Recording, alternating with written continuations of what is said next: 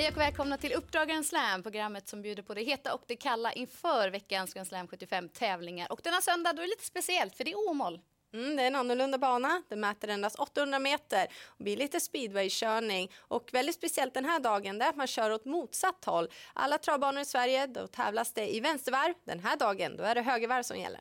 Och en kusk som har bra koll på Åmåls travbana det är Carl-Johan Jeppsson.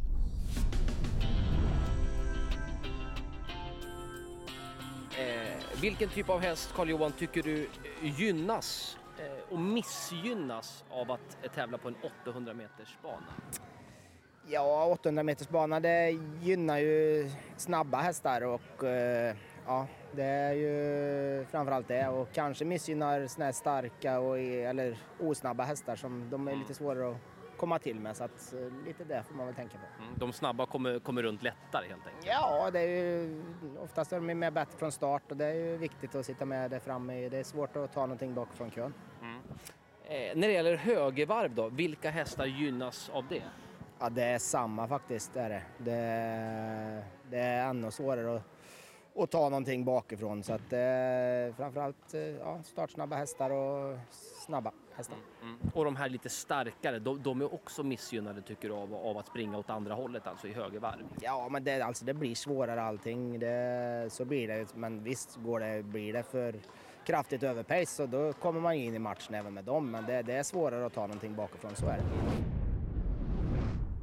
Ja, det har han rätt i, Carl-Johan Jeppsson. Det är ju klart fördelaktigt med snabba hästar. Ja, framförallt från start. För hela 55 procent av vinnarna de sitter i ledningen på Åmålstravet. Om man jämför då med 41 procent som är genomsnittet i landet. Och andra hästar som har fördel, det är de som har lite problem med kurvorna. I vänstervarv, i bakvarv och högervarv, ja då kan det fungera betydligt bättre. Och sen är ju de faktiskt också som oss människor, hästarna. De tycker att det är lite kul med förändring. Vissa blir lite mer motiverade att springa åt det andra hållet. Mycket Eh, värt att tänka på där innan man ska analysera omgången. Men först veckans heta.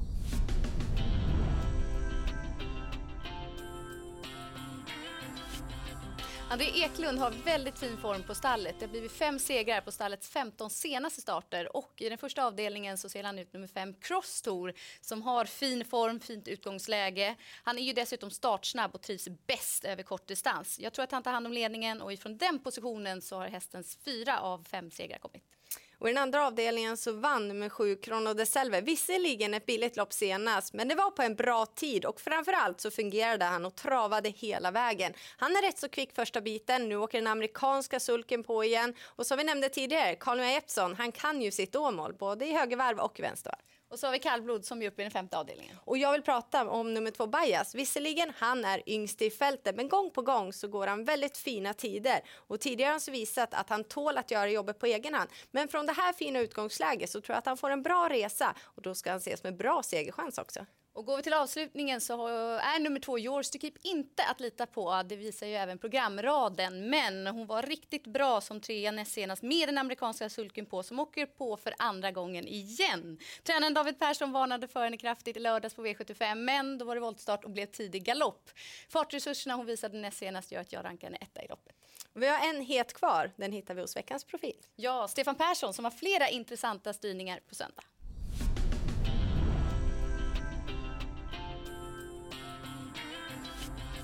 Ja, Stefan, då börjar vi i GS 75 avdelning 1 med nummer 8 Woodstra. Vad kan du berätta inför söndagens start? Ja, han har bra form tycker jag. Har gjort bra lopp men har ju knöligt läge, börjar längst ut där så det, det blir nog svårt att vinna därifrån tror jag. Mm. Avdelning 3, Henriksen tränar även 11 Curvin Paisel. Vad, vad, vad, vet du om den hästen? Ja, men jag har kört honom ett par gånger. Han var väldigt trög och flegmatisk första gången. Men jag tycker sist på Åby så det känns som att han är på rätt väg hästen. Men som du sa, han har också knöligt läge och, och det blir svårt att vinna därifrån också. Mm. Henriksen tränat även i avdelning 4. Spår 1 för nummer 1 King of Greenwood. Hur passar det tror du Stefan? Ja, men det passar nog bra. Han är, han är väldigt snabb från början. Även om inte ett är optimalt på Åmål så, så är jag mycket hellre där än som 8-11 med de andra. Så att eh, skulle han kunna hålla ut dem så, så är det en bra chans. Lite gynnad att springa bakvarv också tror jag. Eh, varför tror du det Stefan, att han gillar bakvarv? Han drar lite högre i svängarna i, i rätvarv så eh, han borde vara gynnad att springa åt fel håll.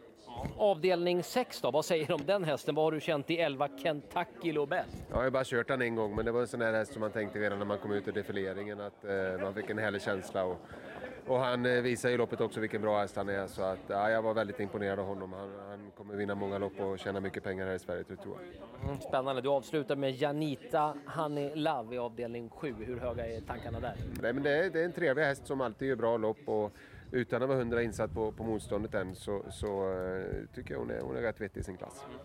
Vilken häst ser du fram emot mest att köra? ja, jag gillar Kentucky Nobel, det gör jag. Lycka till på söndag. Tack, tack. Ja, det lät bra på flera av hästarna. Ja, men framförallt en i den sjätte avdelningen, 11 Kentucky Lobel. Det är skönt att få ett klartecken från Stefan Persson och eventuellt så blir det ju barfota runt om den här gången. Men det kanske inte spelar någon roll, för är man bara bäst, ja då kan man faktiskt vinna, fast det är bakspår på Åmålstravet. Så är det ju. De heta hästarna är serverade och nu tar vi oss an veckans kalla.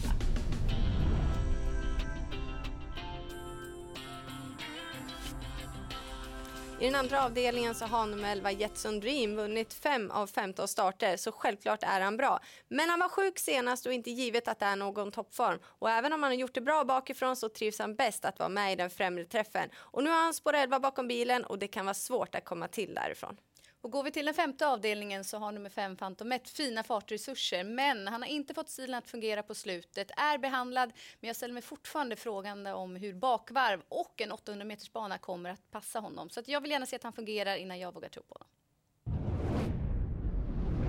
Dags att runda av programmet och i vanlig ordning så ska vi summera ihop det viktigaste. Jo, det viktigaste av allt på Åmålstravet är att man ska sitta i den främre träffen. Spets är guld värt om man inte är totalt överlägsen som jag och Stefan Persson tror att Kentucky Lovell är i den sjätte avdelningen. Han har spår 11 men man ska också komma ihåg att det här är långdistans och då spelar det inte lika stor roll. Så är det och min måste-häst hittar vi i avslutningen. Det är nummer två, Yours to keep. Fungerar hon så är hon med på målfotot. Stort lycka till med Grand Slam 75.